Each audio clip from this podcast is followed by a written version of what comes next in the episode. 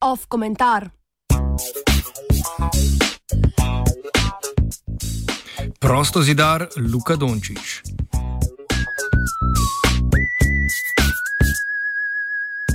Največji sin slovenske košarke in osvajalec ljudskih src z oglasnih panojev za najslavnejšo slovensko posebno salamo Luka Dončić je kljub izjemnim športnim rezultatom v zadnjih dneh razočaral številne slovence. Posamezniki, ki se ukvarjajo z lastnim internetnim raziskovanjem, javnost pa jih večinoma označuje za teoretike zarote, so ga zasečili pri pomoči Soroševski, Rockefellerski in ostali mafiji novega svetovnega reda. Pravzaprav se je razkril sam. Ob himni Združenih držav Amerike rad kleči v podporo gibanju Črna življenja štejejo, poleg tega pa ima na roki tetovirano: Usedite se, da vas ne vrže na rit, božje oko. Vsi vemo, da je to simbol prostozidarske lože, ki v skrivnih podtalnih dvoranah, v gmašnih oblačilih, ob obedovanju majhnih otrok snuje usodo celotnega človeštva, torej ustvarja novi svetovni red.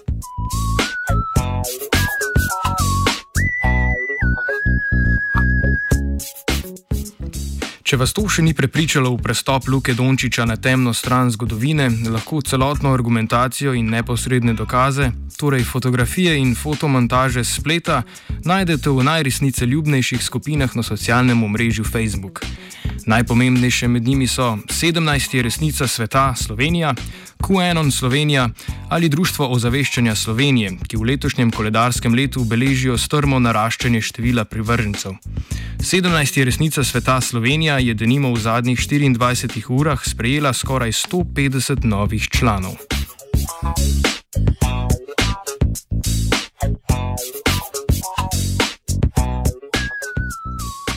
Razrast skupin na socialnih omrežjih, ki se ukvarjajo s kovanjem najrazličnejših teorij zarod, ki naj bi jih načrtovali bogati in vplivni zemljani, je zagotovo povezan z epidemiološko krizo in njenimi političnimi posledicami.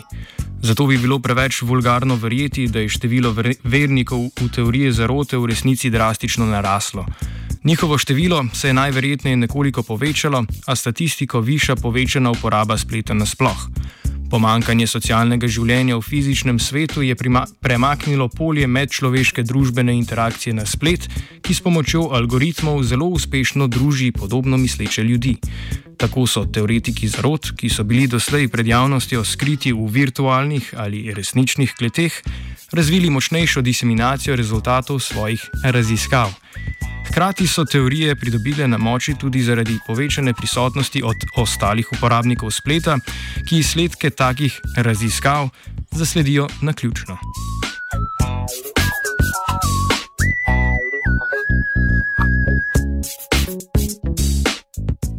Na polju zarod ni pomembno, če posamezniki verjamejo v posem iste teorije, važno je, da v teorije verjamejo.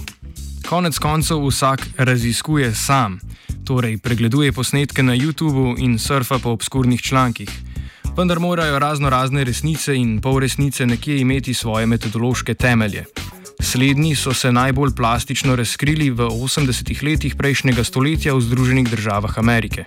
Takrat je v velikem delu ameriške javnosti veljalo, da mladina, ki posluša metal in igra na mizno strateško igro Dungeons and Dragons, v resnici v svojih kleteh izvaja satanistične in druge okultne rituale. Izkazalo se je, da so konzervativni politiki in predstavniki klera, ki so to zaroto teoretsko osmislili, pogosto sami izvajali nečednosti po kleteh crkva ali na polju ekonomske politike. Svoje, verjetno potencirane imaginacije tega početja pa so prenesli na mlade metalce.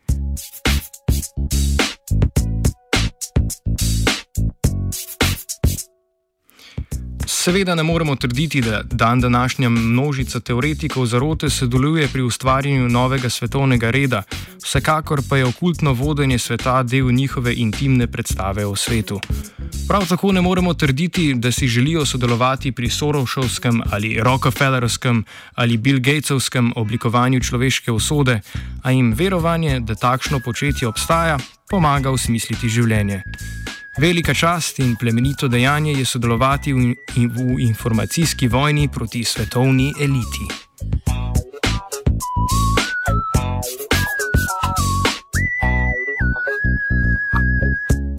Za lažjo stereotipizacijo teoretikov zarote, ki nam bo pomagala razumeti, kdo so, se moramo ponovno vrniti na polje medčloveških odnosov.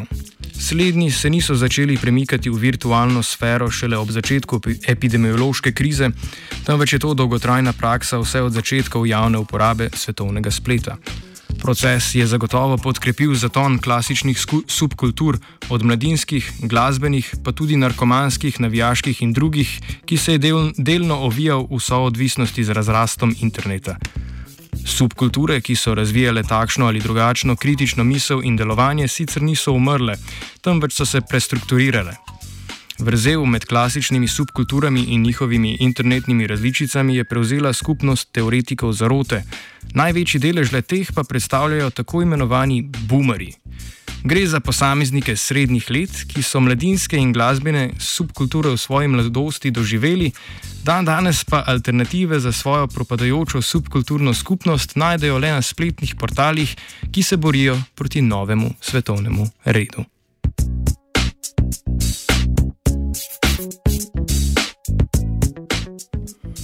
Kako se je v spletkarjenju novega svetovnega reda znašel Luka Dončić?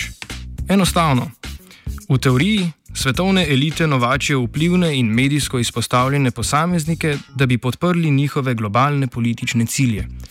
Pri tem nedvoumno pomagamo tudi mediji, kar je med drugim dokazal tudi nekdaj slavni srpski košarkaš, danes filozof in publicist Duci Simonovič. To so vse bande, kot svinska creva so povezane, znate ti klubovi sa tim novinarskim klanovima, sa tim grupama i onda upravama sede tipovi koji prede, prodaju ti igrače, te devojke i to se glavni novac uzima. To su sve mafijaške bande, svudu u svetu, NBA liga ili bilo koji sport, koji kod nas ovde, te profesionalne lige, to, to sve mafija drži rukama. To sve drži mafija, slušajte. Pametnom dosta. Tisti, ki nimate mentalnih sposobnosti za razkrinkavanje Soroševih in Rockefellerjevih načrtov, pa boste v tem opazili prej opisani miselni obrat, ki omogoča razumevanje teorij zarote. Slavnih za svoje politične cilje ne uporabljajo osnovalci novega svetovnega reda, temveč ravno teoretiki zarot.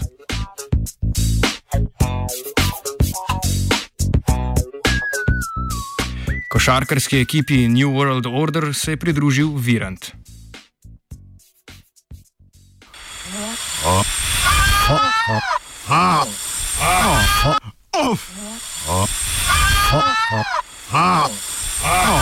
Off komentar.